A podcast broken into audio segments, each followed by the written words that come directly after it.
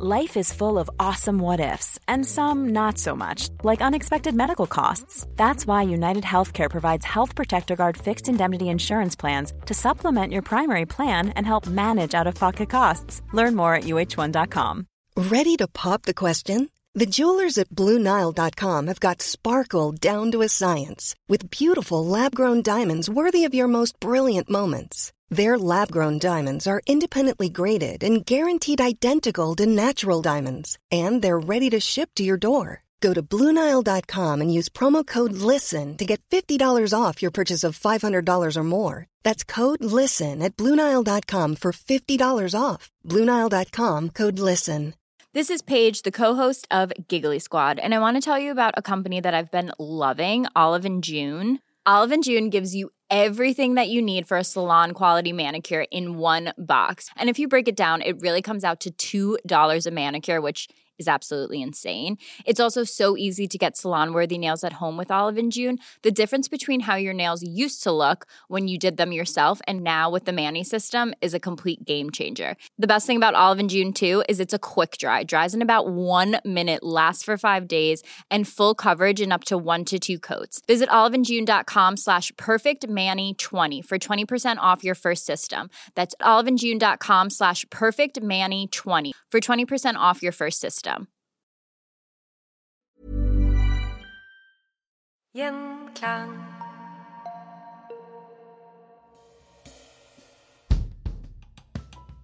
I grålysningen den 9. april 1940 varsla bombedrønn, gråmalte bombefly og dramatiske radiomeldinger om det tyske angrepet på Norge.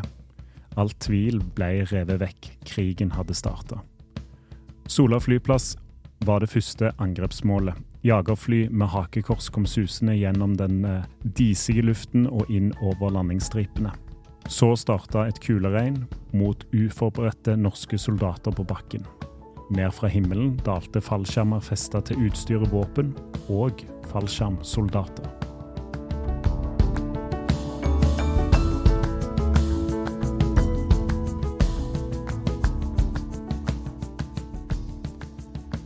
Da tyskerne angrep Norge og Sola flyplass 9.4.1940, så var det, det første, var det første gang i verdenshistorien at fallskjermsoldater landa i strid. Hva skjedde på den strategisk viktige flyplassen da Norge ble angrepet? Det skal vi få høre mer om i dag. Og med oss til å fortelle om det, lokalhistoriker Atle Skarsten. Velkommen til Historier som endret Norge. Takk for det. God formiddag. Ja, ja det spørs jo hva tid man hører på en podkast, men eh, akkurat her og nå så er det, er det en god, god formiddag. Vi skal eh, skru tiden tilbake igjen da, til, til 9. april 1940. Tidlig på morgenen så er Norge under angrep. Eh, Hvorfor var Sola flyplass viktig for Hitler? Det var, det, var del, det var jo en del av dette angrepet. Han hadde jo planlagt at det skulle under Weserübung nord så skulle, skulle eh, en del viktige byer i Norge tas samtidig, på samme, omtrent samme klokkeslett. Så altså Oslo, Kristiansand, Egersund, Stavanger, eh, Trondheim og Narvik skulle tas. Og, og Bergen, selvfølgelig. Um, og eh, da var Sola veldig viktig. Eh, der var det ikke noe fort, ikke noe festning, så der trang han ikke å bruke krigsskip, som han gjorde på de andre plassene. Eh, men, men Oslo og Stavanger var veldig viktige, to viktige sentrale plasser i dette angrepet. Og Det var derfor han valgte da å bruke disse topphemmelige våpenet sitt, fallskjermjegerne, som aldri tidligere hadde vært brukt i kamp. Som hadde vært frustrert de ikke ble tatt med når, når Polen ble invadert i september 39.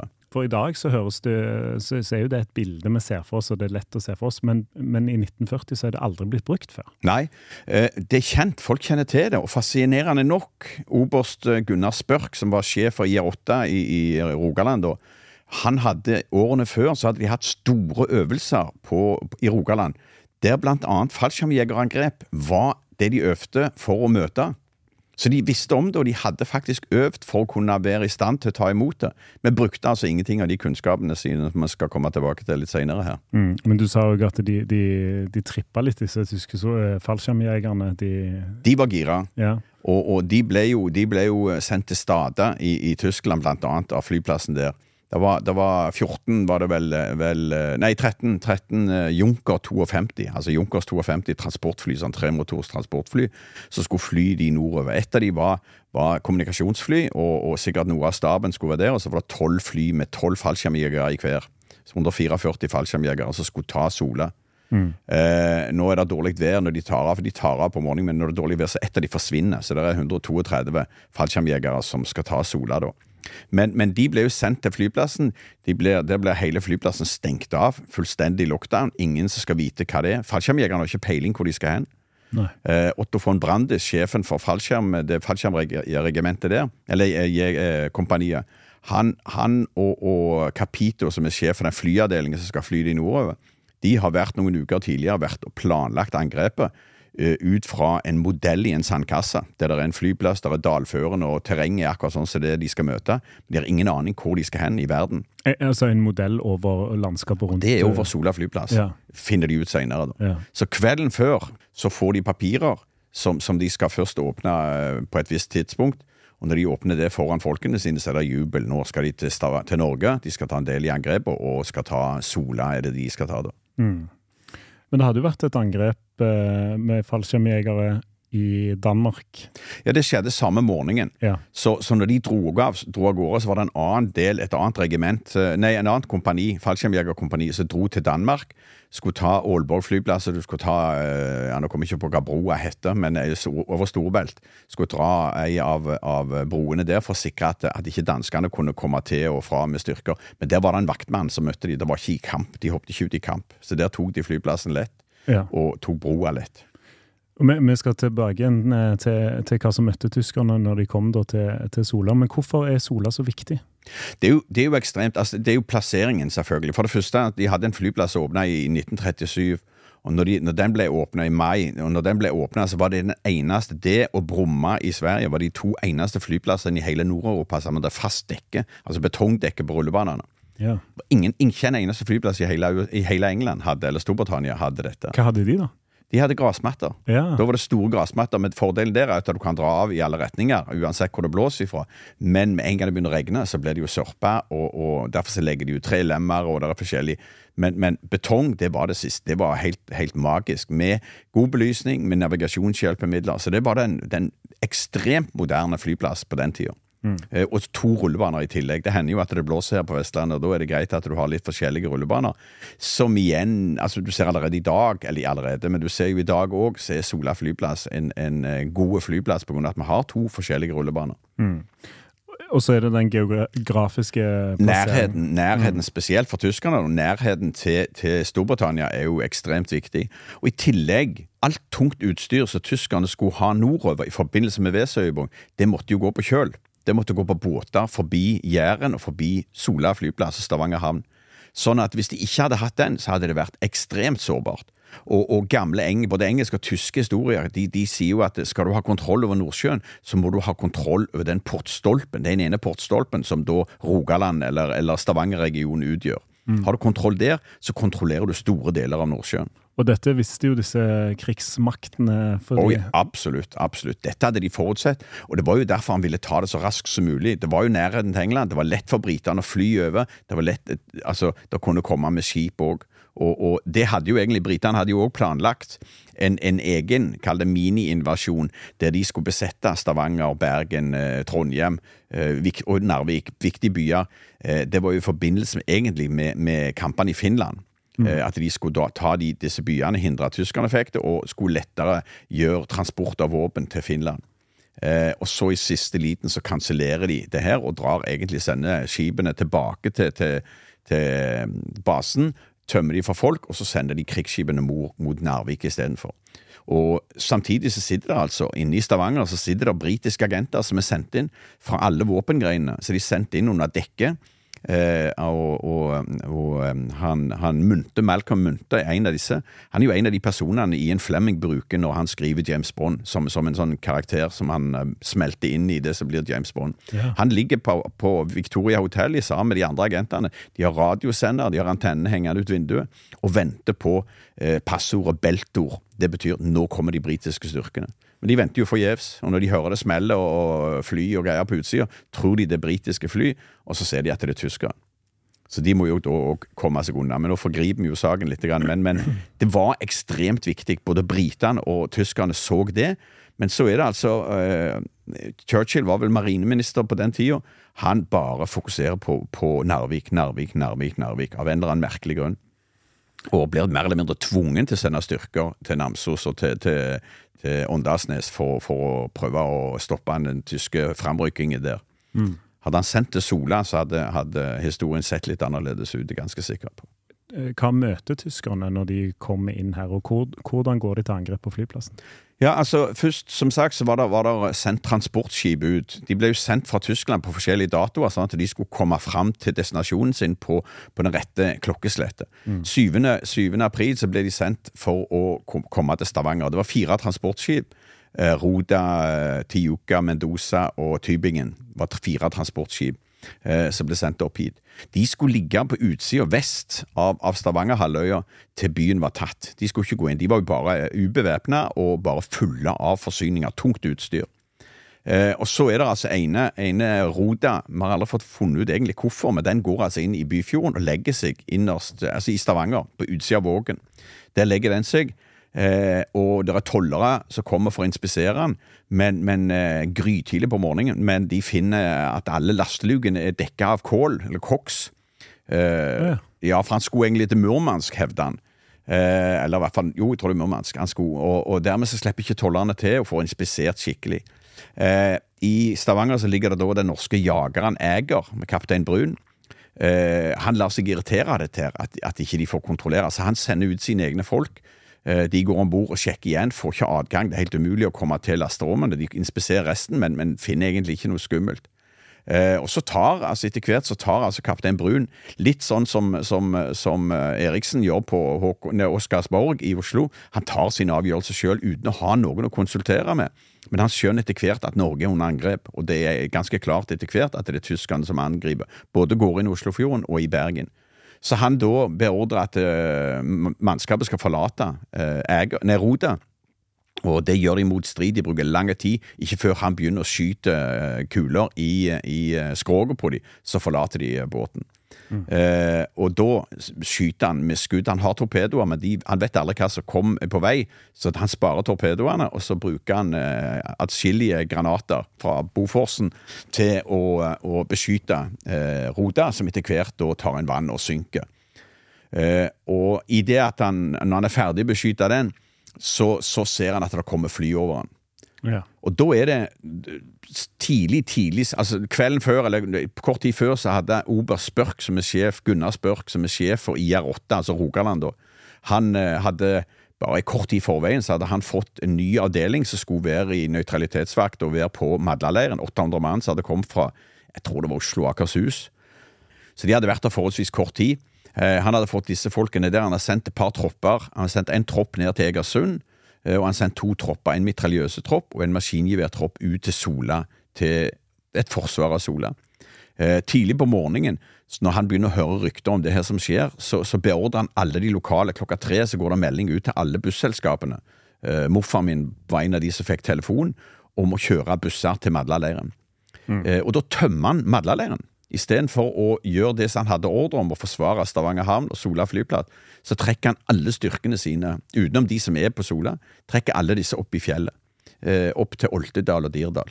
Ja, Hva er bakgrunnen for det? Og Det som han forsvarte seg med senere, det var at han ville ikke at, at Stavanger, eller at avdelingen skulle stenges inne på Stavangerhalvøya som ei rottefelle, som han sier.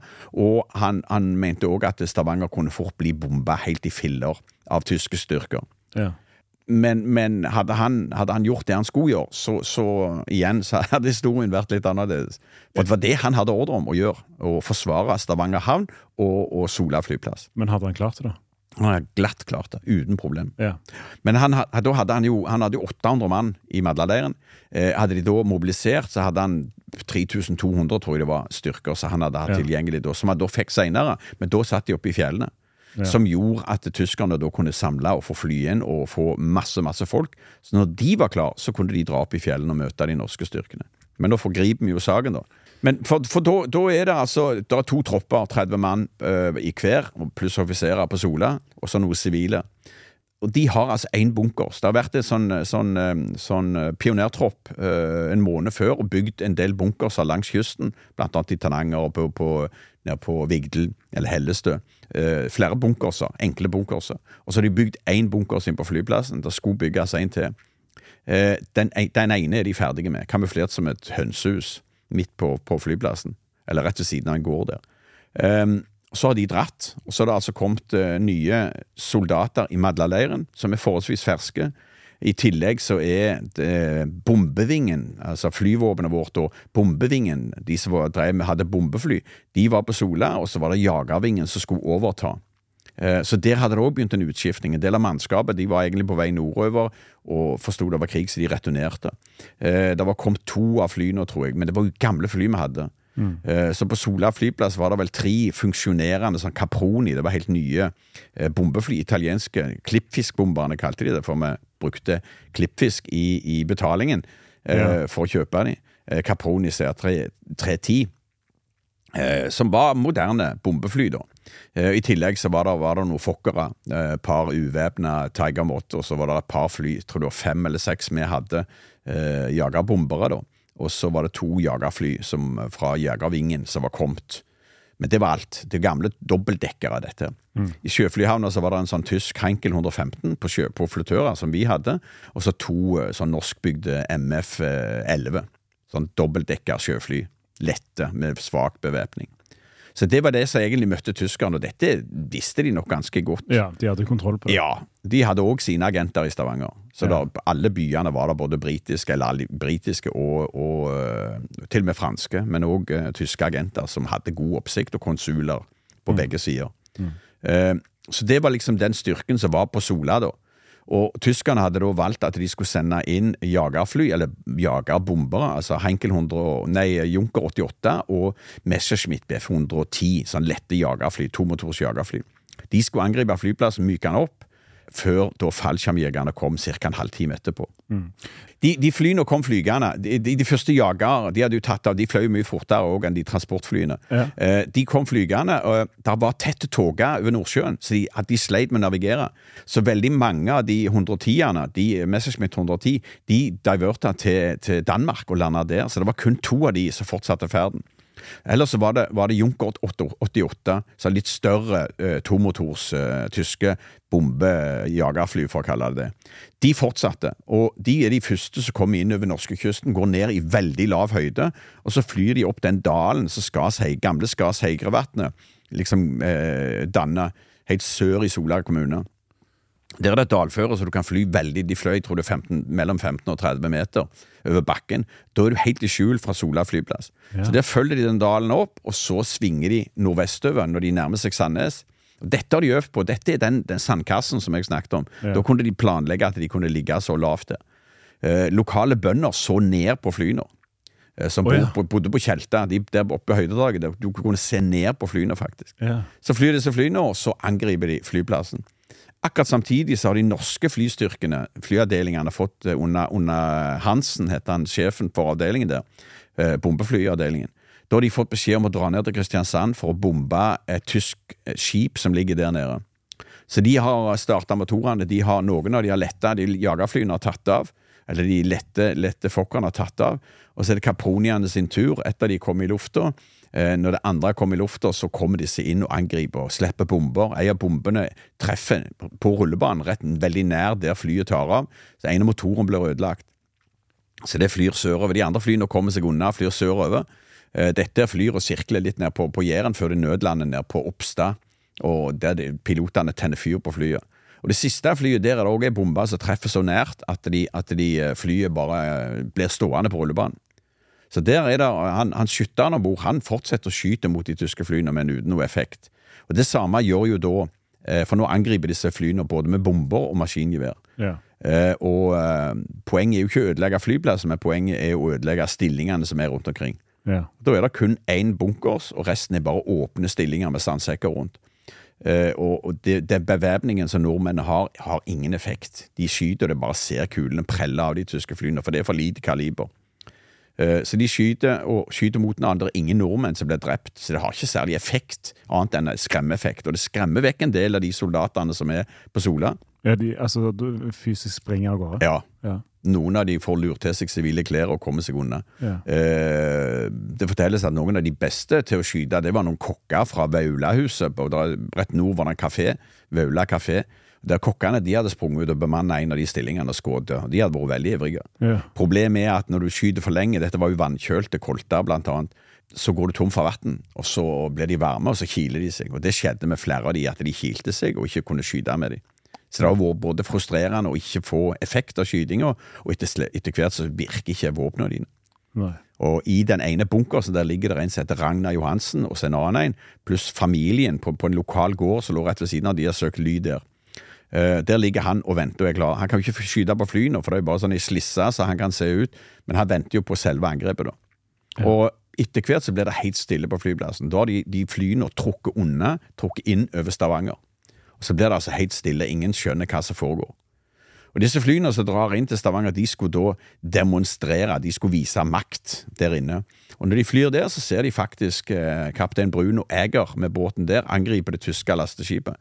Så de begynner jo å jage, jage Eger da ut Byfjorden. Og han kjører jo sikksakk og beskyter de tyske flyene og prøver å stoppe de, men til slutt så blir han truffet av bomber. Båten blir så skadet at han begynner å ta en vandrer. Er, totalt er det vel åtte mann om bord på Eger som blir drept. Eh, og det er de første ofrene her i Rogaland om bord på, på jageren Eger. Så den, den eh, driver i land. Eh, og på Sola så hører de plutselig så hører de flydur igjen fra sør. Og Da er det disse fallskjermjegerne som kommer. Tolv Junker 52, elleve av de med tolv fallskjermjegere i hvert. Og De har fløyet akkurat den samme ruta, lavt over bakken, og så nærmer seg Sandnes, så gjør de en venstresving, og så flyr de over ja, omtrent Somaleiren. Flyr de på to rekker eh, på hver side mot det der gamle flytårnet og terminalbygningen som var der. Og Da eh, går de opp i en rundt en 120 meter, sånn at fallskjermene skal løse seg ut, og så gjør de seg klar. Og han eh, von Brandis, som var da sjef for den avdelingen, han har nok eh, ligget i luka og fulgt med hvor, hvor de var henne, kikka ut bak døra, sånn at de, de er klar til å hoppe ut. Og Det som er litt spesielt med de tyske fallskjermjegerne, det er jo at det, for det første, det var jo runde skjermer, så de hadde jo ikke noen mulighet til å styre fallskjermene. De måtte bare dale med vind. Ja. Den dagen blåste det nordvestlig vind, så det passet jo med den vindretningen, eller den retningen de, de flyene fløy da. Eh, men det var jo kjølig. Det var jo nesten Det var fire-fem grader, tror jeg. Ja. Men med ganske friske vind, sånn at det har vært nesten nullpunktet på, på chill-effekt på vinden. Ja. Eh, det som er spesielt med de hopper ut, da hopper de ut ikke, De har ikke bevæpning. De har en luger og en kniv med seg. Ah, ja. Og I tillegg så har de morfintabletter og førstehjelpsutstyr og sånn. På grunn av at de fallskjermene de, de var redde at de ikke tålte både utstyr og, og eh, ting kunne vikle seg inni. De skulle ikke ha noen ting. Alt utstyret ble kasta ut i store konteinere i egne fallskjermer. Og det var merka på utsida med, med forskjellige både tall og, og forskjellige avdelingsinsignier. Sånn at, eh, og når de traff bakken, så var det en sånn ampull på undersida. Så når de traff bakken, så kom det røyk ut, sånn at du skulle finne konteineren din. da. Og Der var det første utstyr- førstehjelpsutstyr, og noe var det tyngre bevæpning, maskingevær og, og håndvåpen. Og bombekastere og alt mulig sånn lett utstyr. Eh, Når de hopper ut over Sola flyplass, så legger de seg klatt. Det er jo rimelig flatt på en flyplass, så det, det er jo ikke den ideelle plassen for en fallskjermjeger. Spesielt ikke når han her Ragnar Johansen sitter med, med mitraljøsen sin eller maskingeværet, det er jeg litt usikker på, og peprer og skyter det han kan. ja, for han får bitt fra seg litt. Ja, da får han endelig gjort noe. Så han hevder jo sjøl at han drepte en, jeg tror det var 30-20-30 av disse soldatene. At han hadde skutt og drept de tyske soldatene. Eh, Men det var jo av at de lå i paddeflate på gresset der til de så røyken kom fra utstyret sitt. Så ålte de seg fram, og så fikk de tak i, de tak i uh, utstyret sitt, og så gikk de til motangrep på de norske styrkene. Og innen halvtime så hadde de tatt alt det som var av, av styrker på Sola. Enten jagt de vekk eller tatt de til fange. Og så sprengte de døra inn til bunkersen til han Ragnar Johansen, og så ble han òg tatt eh, og uskadeliggjort der inne. Men, men det var ingen nordmenn som ble drept. Det var noen såra, men det var ingen som ble drept. Men, men tre av de tyske fallskjermjegerne ble drept Ja. under, under angrepet. Det var i anførselstegn bare tre. I'm Sandra, and I'm just the professional your small business was looking for. But you didn't hire me because you didn't use LinkedIn jobs. LinkedIn has professionals you can't find anywhere else, including those who aren't actively looking for a new job but might be open to the perfect role, like me. In a given month, over 70% of LinkedIn users don't visit other leading job sites. So if you're not looking on LinkedIn, you'll miss out on great candidates like Sandra. Start hiring professionals like a professional. Post your free job on linkedin.com/people today. Hey, it's Ryan Reynolds, and I'm here with Keith, co star of my upcoming film, If, only in theaters, May 17th. Do you want to tell people the big news? All right, I'll do it. Sign up now and you'll get unlimited for $15 a month and six months of Paramount Plus Essential Plan on us. Mintmobile.com slash switch. Upfront payment of $45 equivalent to $15 per month. Unlimited over 40 gigabytes per month. Face lower speeds. Videos at 480p. Active Mint customers by 531.24 get six months of Paramount Plus Essential Plan. Auto renews after six months. Offer ends May 31st, 2024. Separate Paramount Plus registration required. Terms and conditions apply if rated PG. One size fits all seems like a good idea for clothes until you try them on. Same goes for healthcare. That's why United Healthcare offers flexible, budget friendly coverage for medical, vision, dental, and more. Learn more at uh1.com. Men, det, ja, men at det ikke går mer liv eh, i et så dramatisk eh, angrep. Det er jo helt utrolig. Ja. For, for de skjøt jo det de kunne, og vi har, vi har eh, flere rapporter av de som deltok, som forteller om dette. At Werner Christie er jo senere en veldig kjent jagerflyger. Han var jo på Sola 18 år. Han var så ung, han var en av de yngste i den flyavdelingen, så han fikk ikke være med. Det var ikke fly til han å fly sørover, så han ble værende igjen. Og Han forteller hvordan han lå under en bil med en pistol og skjøt mot en, en fallskjermjeger som lå en 20-30 meter ifra han. Og han følte ham vi, så, vi var sikkert like livredde begge to. Men de hadde ligget og skutt på han før han klarte å komme seg unna i bilen, for han var, hadde ikke ammunisjon og kom seg vekk. Det var andre som kom til, til maskingeværreder som var, det var ingen i de. Eh, og så kunne de bare bemanne de og prøve å skyte mot tyskerne. Altså Soldatene som skulle vært der, de hadde stukket Mm. Så det var litt sånn blanda, blanda følelser rundt det der med, med hvem som stilte opp og hvem som ikke. Men til slutt så ble de tatt, og da, da ble de norske soldatene beordra for utover rullebanen. Han Hansen, som var sjef for, for eh, den, den bombeflyavdelingen, han hadde jo bedt om å få lov til å sprenge rullebanen. Ja. Eh, hindre i hvert fall større fly å lande på rullebanene. Eh, men det hadde blitt nekta. Hvorfor det? Nei, norske myndigheter, vi skulle ikke forgripe saken. Ja. Det var veldig rart. altså alle, Gunnar Spørk fikk òg ordna god tid i forveien, men, men sluttstykkene på alle våpnene som de hadde, de lå lagra på Evjemoen. Eh, For de skulle holde ting ifra en sånn at ikke folk kunne gå til opprør. Vi hadde jo harde, harde 30 år, da var det jo en industriopprør og litt sånn forskjellig. Så, så da skulle eh, våpnene ikke være tilgjengelige for all hvermannsen. Heldigvis hadde han fått ført dette tilbake. Han hadde òg fått depotet opp med, på Brostei, på gammelt meieri der. Eh, Sånn at det, der var det heldigvis en mulighet for å bygge opp de norske, de vernepliktige styrkene som da mobiliserte. Men de kunne ta flyplassen, de kunne fjerne alle disse vei, det var bare veierspiraler som var over rullebanen. Så de kunne fjerne alt dette, og eh, dermed så kunne de legge ut hakekorsfly, nei, flagg på, på bakken, som var en indikasjon på at, at flyplassen var tatt. For sør på Jæren der lå der en mengde Junker 52, fulle av folk, fulle av eh, store blører med, med drivstoff, og med alt mulig slags utstyr, bomber og hester og alt mulig, som var på vei for, til Sola, men de måtte jo vente til flyplassen var tatt. Og, og det som er fascinerende, det er jo at de, de hadde jo heller ikke drivstoff til å returnere til Tyskland. Nei. Så de hadde, passed, eh, de hadde passert eh, point of no return. Så de kunne til nød fly ned mot Kristiansand eller til, til, til Danmark. Eh, Og bruke, bruke eventuelt flyplasser der som en sånn nødlandeplass. Eh, Så, så de venta jo, og nå tok jo tyskerne flyplassen ganske raskt, så dermed så kunne de lande. Og det ble en enorm Det var datidens største luftlandebro noensinne, eh, som da fløy inn til Sola den morgenen. Enorme fly. Hva er det de gjør med flyplassen? Nei, altså Initielt så var det å få inn forsyninger og få inn drivstoff. Så at det ble, og Da reiv de jo ned alle gjerdene rundt flyplassen. Flyplassen var jo ikke så stor da. Eh, Men den var jo kortklipp. De brukte jo, jeg tror de hadde eh, 200 sauer, så de brukte til å klippe, klippe markene med. Eh, Men, men da reiv de jo ned gjerdene sånn at de kunne få spre flyene ut. Sånn at hvis britene kom, så skulle ikke, skulle ikke eh, fly, at de tar mer enn gjerne ett fly eller to fly. eh, Sånn at det skulle være vanskelig å bombe dem. Så det ble plassert fly over, over hele området. Mange av de hadde en store sånn gummiblærer fulle av drivstoff, sånn at flyene da kunne fly tilbake igjen. Ah, Oberst von Behren, han som var da sjef for de styrkene som skulle ta Rogaland, han landa òg. Han sender da, når, når flyplassen er sikra og de har heist hakekorsflagget Det er jo bilde av dette òg når de heiser hakekorsflagget, fallskjermjegerne. Eh, når de da eh, sikrer den, så sender han styrker mot Madlaleiren og mot Stavanger, og mot andre viktige, altså NRK for eksempel, eh, sånn at den kan hindre sendinger, vannverk og den type viktige, sentrale eh, sånn infrastrukturbygninger. Så sender de inn, og, og de marsjerer jo inn og kommer til Madlaleiren, gjør seg klar til, til å gå i kamp mot styrkene som de regner med er der. Og så er det ingen, de finner en skredder. Eh, ellers er det ingen i Madlaleiren. Kaffen og frokosttallerkener og alt det her står på bordene, men det er ingen helt stilt. Så de kan innta Madlaleiren uten et skudd.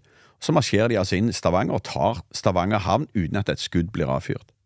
Samme er sjøflyhavna. Den tar de òg uten at et skudd blir avfyrt. Og jeg tror det er nærmere 40 tyske sjøfly kan lande med, med, med både styrker og forsyninger der. Så, så, så har de sikra altså hele Stavangerhalvøya plutselig tatt. Norske styrkene trekker opp i, i fjellene, og den aller, aller første trefningen mellom norske og tyske soldater etter selve invasjonen er 16. april. Så de har en uke på å fly inn styrker. Ja. Så, Og det gjør de effektivt. og det gjør de veldig effektivt. Og da, utpå ettermiddagen, da, så kommer jo på nærmere kveldinga, så blir det sendt beskjed til, til de tre transportskipene som er igjen. og Da kommer de inn i Stavanger og losser luftvernkanoner, losser tung, tungt, tungt utstyr, biler, kjøretøyer, alt mulig. Som da blir nossa i stor grad med norske, norske havnearbeidere som blir tvunget til, til å gjøre dette arbeidet. Og Dermed så får de luftvernkanoner, og det er jo det som er viktig å få. De har jo noen lette luftvernkanoner som fløy inn, men de får for de vet at britene kommer. Og allerede dagen etterpå, 10. april, så kommer det første, første angrepet. Da er det en Sergeant Rose som kommer flyende. Og, og bomba treffer faktisk et Junker 52 rett foran terminalbygningen med bombene. Og flyr ned og pepperskyter mot, eh, mot flyplassen. Og før han kommer seg da over til England, som det første angrepet på Sola flyplass. Eh, parallelt med dette så er det jo fallskjermjegere òg i, i Oslo som prøver å ta for, øh, eller som tar Fornebu. Ja, de er på vei mot Oslo, Ja. men der er det òg tåke. Eh, Det er jo det vi har her i Norge. Vi har Ofte så har vi mye tåke, og over Fornebu så ligger det lavt skydekke og tåke, som gjør at de, de faktisk fallskjermjegerne der, de returnerer til, til Aalborg, Ja. eh, eller Danmark, da, og, og lander der. Og først seinere så kommer de seg, eh, kommer de seg til, til Blir Fornebu da tatt. Litt tilfeldigheter, så blir altså faktisk flyplassen tatt. Eh, og det, det gjør jo at, at konge og regjering kommer seg unna. Gullet, norske gullet blir uh, lurt ut av, av uh, Norges Bank. Blir lempa om bord og kjørt med, med, med lastebiler nordover. Eh, omtrent samtidig som tyskerne marsjerer inn i, i Oslo. Så Oslo ble jo tatt, og, og, men, men det er jo flere faktorer. Både at det var tåke, og oberst Eriksen på Skarsborg senker, senker Blykjør. Eh, som gjør at flåtestyrken trekker seg litt tilbake, før de da får bomba, bomba Oscarsborg. Sånn, sånn eh, Stuka-bombere som kommer og bomber den. De flyr jo til Sola flyplass etterpå og lander der. For da, der er det en flyplass som da er tatt. Eh, jeg kan jo også nevne det Fallskjermjegerne var så viktige for Hitler at allerede samme tidlig, tidlig ettermiddag, eh, hvis ikke formiddag, så blir de fløyet tilbake. De hopper om bord på, blir sendt med Junker 52 og blir sendt tilbake til, til sin, sine barakker i Tyskland. De skal ikke ta del i kampene, de er for verdifulle til det. Og blir brukt senere under invasjonen i, i Nederland, der han, sjefen for de, den avdelingen som tok Sola, blir skutt eh, i, i Nederland under angrepet, det fallskjermjegerangrepet der nede. Eh, tyskerne òg begynner jo å arbeide med, med flyplassen for å, for å gjøre den til sin egen. Det, det gjør de med en gang. Eh, de hadde jo god kontroll. Altså, når flyplassen ble åpna i 37 eh, av de, jeg tror det var 45 fly som deltok, så tror jeg 12 eller 13 av de, jeg husker ikke nøyaktig, men, men veldig mange av de var tyske fly som var der. Ja. Eh, de hadde òg vært der i forbindelse med, med, med Altmark-affæren nede i, nede i Jøssingfjorden den 16. april. Nei, 16. 16. februar. Eh, da hadde det òg vært tyske fly, så de hadde jo god kontroll på hvordan flyplassen så ut. Det var derfor de kunne òg lage en sånn veldig god modell. Og de begynte straks å bygge den ut. Utvide rullebanene, lage de lengre lage de bredere. Og i stor grad med norske arbeidere. Ja. Allerede dagen etterpå så er det norske malere som blir eh, sendt ut for å kamuflasjemale etter at han Rose har vært og bomba flyplassen. Så blir de sendt ut for å kamuflasjemale male bygningene på flyplassen. Dagen etter, altså 10. april. Ja. 10. eller 11. tror jeg de kommer. eh, til en viss grad eh, kommandert ut.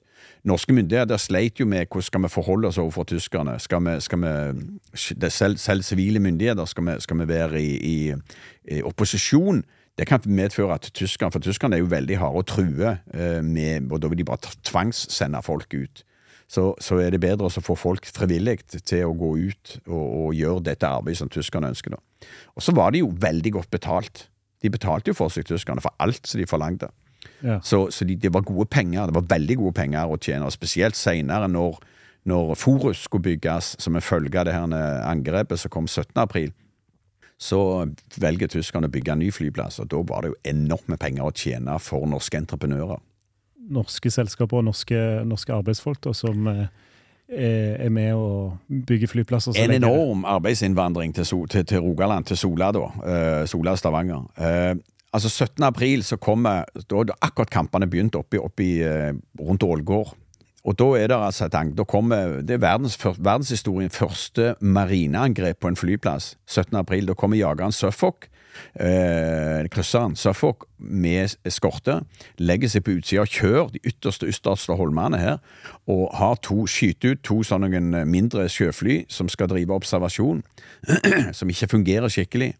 Der har fløyet fly inn og, og skutt bluss, eh, fallskjermbluss over flyplassen, så de skal markere hvor de skal skyte. Og så begynner den å skyte. Jeg tror han flyr skyter nærmere 220 granater inn mot Sola og Sømmevågen. Eh, Noen av de treffer i hytt og pinevær, men de ødelegger en del fly. Jeg tror det er fem fly, sjøfly som blir ødelagt i Sømmevågen. Da Og Da skjønner jo tyskerne at flyplassen ligger jo veldig nærm sjøen, så den er sårbar. Og Da bestemmer de seg for, for to ting. Eh, all sivil befolkning, og dette er jo, dette er jo et, et sånn ukjent del av historien en, en eh, stor Altså alle som bor innenfor fem kilometer rundt flyplassen Sola er jo ikke så store. Eh, Alle som bor der, må forlate husene sine. Jeg tror det er 20. april. For de, altså, de får beskjed 20. og 21. skal de være ute av husene. Så i morgen skal du være ute av huset ditt. Ja, hvor skal vi dra? Nei, det får du finne ut sjøl. Du skal ut av denne sirkelen. Ja, Eh. hva får vi med oss? Hvordan får vi det med oss? Nei, det må du ordne sjøl. Så må de forlate hjemmene sine. Vet aldri når de får hjem. Må ha med seg kyr og alt. De slipper hønsene løs, har med kyrne. Så trekker de i stor grad sørover. De som bor på nordsida, trekker opp mot, eh, mot Tananger og utover mot eh, Randaberg. eh, og østover innover mot Grannes og Stavanger. Og Samtidig så bestemmer tyskerne seg for å bygge Forus flyplass. Og bygge, starte bygging med en gang. Ja. Og, og det er jo mange det er jo gamle myter her lokalt at dette var noe tyskerne hadde planlagt i forkant. Det er bare tull. Det vet vi 100% sikkert at det er det ikke. Dette, Den bestemte de der og da. Og de hadde jo et sånt sys- system, regelbau, at de hadde strukturert alt hva de skulle bygge. Så hadde de tegninger og planer. Skulle de bygge en bunkers av den og den mannskapsbunkers, eller, eller noe relatert til en stilling, så visste de nøyaktig hvor mye betong trenger vi, hvor mye armeringsjern, hvor mye forskalingsmaterial. Og så trang de bare en lokasjon, en plass å bygge. Så visste de hva de trang. Akkurat det samme med flyplass. De trang et åpent område, og det fant de jo inne på, på Forus. Der det gamle, gamle Stokkavatnet var drenert ut. Det var jo i 1908. Det var jo en kjempeflate. Men så var det jo veldig mudder, eller my, myk bakke. Så selv om de gjorde godt arbeid, så etter hvert så begynte den å sinke. Men, men, men der ble altså en helt ny flyplass med tre rullebaner ble bygd. Og i stor grad, den første perioden, så var det norske krigsfanger. De som ble tatt oppe i Oltedal, oppe i Dirdal, de ble tvunget til å jobbe eh, med å bygge en flyplass, som strider igjen mot Genévekonvensjonene. Mm. For du skal ikke være med Det kan forlange at du skal gjøre arbeid, men ikke noe som hjelper de strid, striden, altså den, de stridende.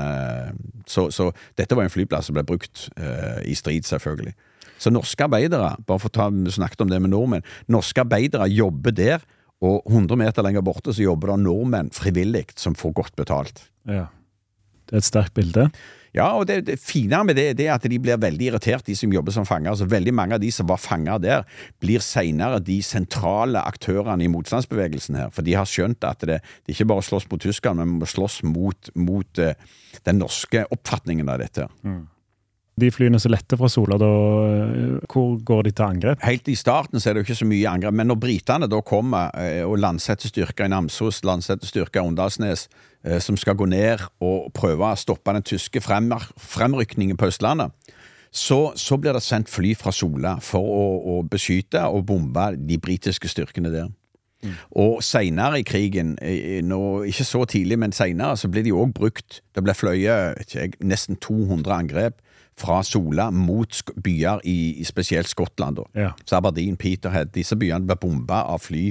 Og ikke minst britiske flåtestyrker, Skapa Flow, altså marinebasen, blir angrepet av, av fly fra Sola.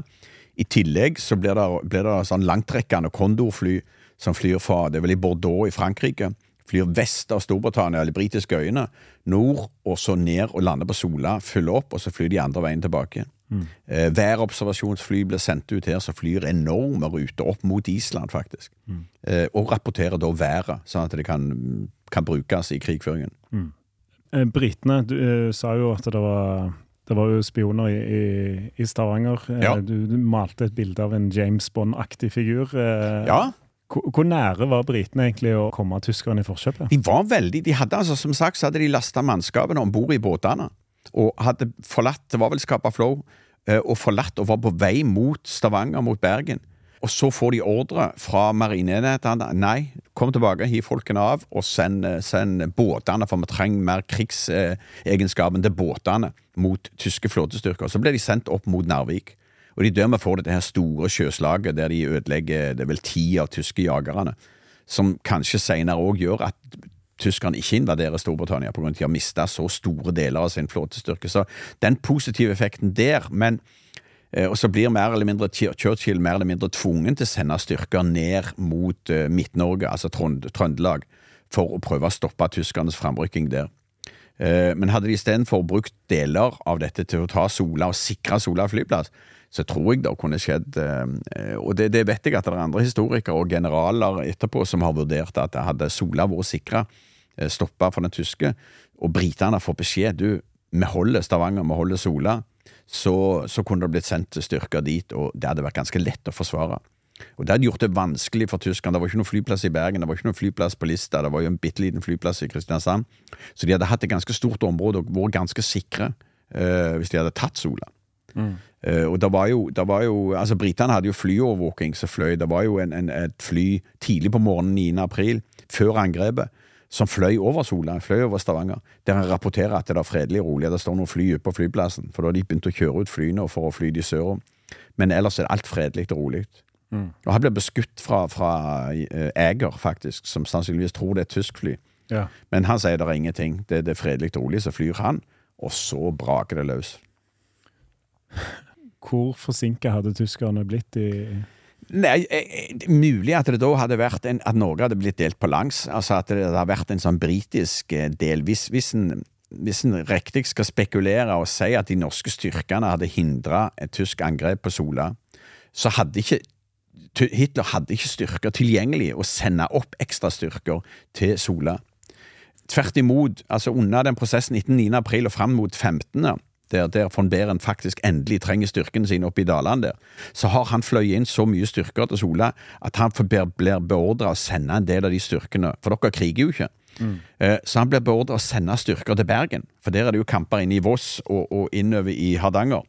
Så han får, han får, beskjed om å sende styrker nordover med båter og med fly, eh, for, for, han har jo ikke behov for de, sier de. Og så, når da 17. april eh, skjer, når da Suffolk Nordmennene går jo skikkelig til motangrep oppe i dalene. Suffolk eh, angriper med kanoner. Da frykter jo Bæren at nå kommer britene. Mm. Så Han trodde jo det angrepet var en varsel på en britisk invasjon. Så da beholdt han jo resten av styrken hos seg. Hadde britene da tatt uh, stopp Altså, hadde nordmennene stoppa angrepet på Sola med, med hindra fallskjermjegerne, Eh, alle de andre flyene måtte da ha landa på marker eller dratt tilbake til Danmark. Eller latter jo ganske, ganske mye med åkrer på, på, på Jæren. Men det hadde jo vært ganske, rimelig enkelt for nordmennene som da hadde kjøretøyer, hadde soldater som var klart. Hadde vi mobilisert styrkene eh, Oberst Børk kan kjøre en egen mobilisering via radioen, da, sa han. Det er jo veldig mange som eh, samles oppe med Brostøy, med depotet der, eh, som har ganske store styrker, som major Brandt får kommando over de kunne jo bare reist rundt og så mer eller mindre samla inn, inn, disse, disse tyske styrkene rundt omkring på markene. Så jeg tror, øh, men igjen, kontrafaktisk, du vet jo aldri, men, men det hadde vært rimelig greit å tatt det. Og hadde de norske flyene blitt værende igjen, så kunne de glatt bomba disse tyske skipene som lå rett utfor. Eh, de hadde ikke bevæpning sjøl, de hadde ikke luftvernkanon eller noe, for de skulle jo se uskyldige ut. Så de, de, tre transportskipene hadde vært glatt og ingen problem, og det kunne Eger òg eh, tatt seg av og senke. Så, så da, hadde, da, hadde jo, eh, da, hadde, jo, britene fått plutselig et, et springbrett i Norge. En topp moderne flyplass med enorm kapasitet. Ei ypperlig havn, så du kunne faktisk sendt flåtestyrker til som kunne vært der. Og da kunne ikke tyskerne sendt tungt material til Bergen, de kunne ikke sendt tungt material til, til, til Trondheim, og ikke til, til Narvik. Eh, det er vanskelig å sende større flåtestyrker når, når britene da hadde skapa Flow på ene sida og hatt, hatt, eh, Stavanger havn på andre sida med flåtestyrker og ubåter, og fly som fulgte med når, når de større, tyngre tyske krigsskipene skulle passere. Mm. Men igjen, det blir jo bare spekulasjoner, men, men, det er jo alltid litt moro, og vi lærer jo av sånne ting òg. Ja, og i denne podkasten 'Historie som endret Norge', så, så pleier jeg jo å spørre eh, hvordan har dette endra Norge? Er det, er, det, er det, her det har endra Norge? Ja, det kan du gjerne si. Selvfølgelig så er det jo et puslespill der, der det er mange brikker som går i sammen og gjør at det, og, og, det alltid virka som om at det, det, gikk så glatt for Hitler den dagen, men, men de ble jo stoppa i Oslofjorden. De ble jo, I, i en periode så ble de stoppa i Kristiansand. De møtte motstand i Bergen òg, så, så, det var jo ikke bare bare. Og, det ble jo, de ble jo, fikk jo skikkelig bank opp i Narvik etter hvert. Så det var ikke en enkel invasjon jeg vil tørre påstå at Stavanger var kanskje den letteste. Egersund og Stavanger var den letteste eh, som tok. Egersund var ikke så viktig annet enn den kabelen som gikk over til, til England, der, telegrafkabelen. Men, men, der tok det jo, uten at skudd ble avfyrt, tok den norske MTB-en som lå der, eller ja, motortorpedobåt som lå der nede. Men, men Sola, der var mulighetene til Det var tingene til rette, at de kunne ha stoppa de. Mm. Og da hadde, da hadde, nok ting vært litt annerledes. Så du kan si måten det forandra norgeshistorien var at det muliggjorde en invasjon av Norge. Det valgene som oberst Børk gjorde. Og så kan du si òg at det muliggjorde jo den tyske invasjonen, som igjen gjorde at etter krigen så sa vi aldri mer. Som igjen gjorde at vi da fikk et, et fantastisk heimevern. Eh, og i tillegg så meldte vi oss inn og ble en del av Nato. For, for nå skulle vi unngå at, at dette skulle skje. Så vi skulle da gå i allianse med andre nasjoner og sikre oss at vi ikke, at vi ikke eh, fikk et sånt et angrep. For, for, under selve angrepet så var det jo helt i starten så var det, altså Kongen visste jo ikke om det var tyskerne eller engelskmennene som kom inn Byfjorden, eller Oslofjorden. Så, så, vi var usikre på om det var engelskmenn. og vi, vi holdt nok litt mer med, altså holdt med i anførselstegn, eh, britene, da. Men, men, eh, de var jo òg eh, De hadde jo ikke mye, mye respekt for Norge sin, sin suverenitet og, og nøytralitet.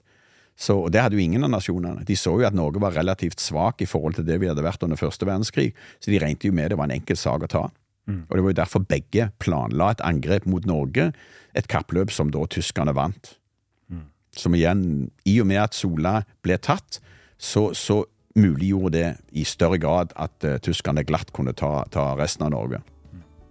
Atle Skarstein, takk for at du eh, forteller om angrepet på Sola i 1940, og takk for at du stilte opp i historier som endret Norge. Sjøl takk. Veldig kjekt.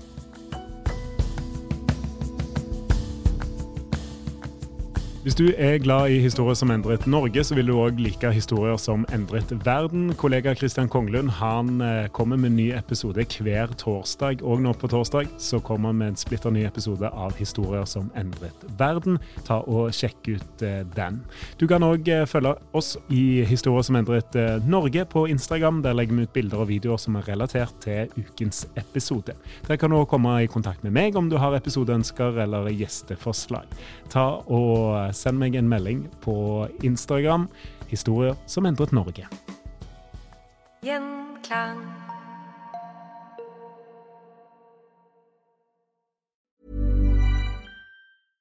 Imagine the softest sheets you've ever felt. Now imagine them getting even softer over time. That's what you'll feel with Bowl and Branch's organic cotton sheets. In a recent customer survey, 96% replied that Bowl and Branch sheets get softer with every wash. Start getting your best night's sleep in these sheets that get softer and softer for years to come. Try their sheets with a 30-night guarantee. Plus, get 15% off your first order at bowlandbranch.com. Code BUTTERY. Exclusions apply. See site for details. Planning for your next trip? Elevate your travel style with Quince. Quince has all the jet setting essentials you'll want for your next getaway, like European linen, premium luggage options, buttery soft Italian leather bags, and so much more. And is all priced at 50 to 80% less than similar brands. Plus, Quince only works with factories that use safe and ethical manufacturing practices.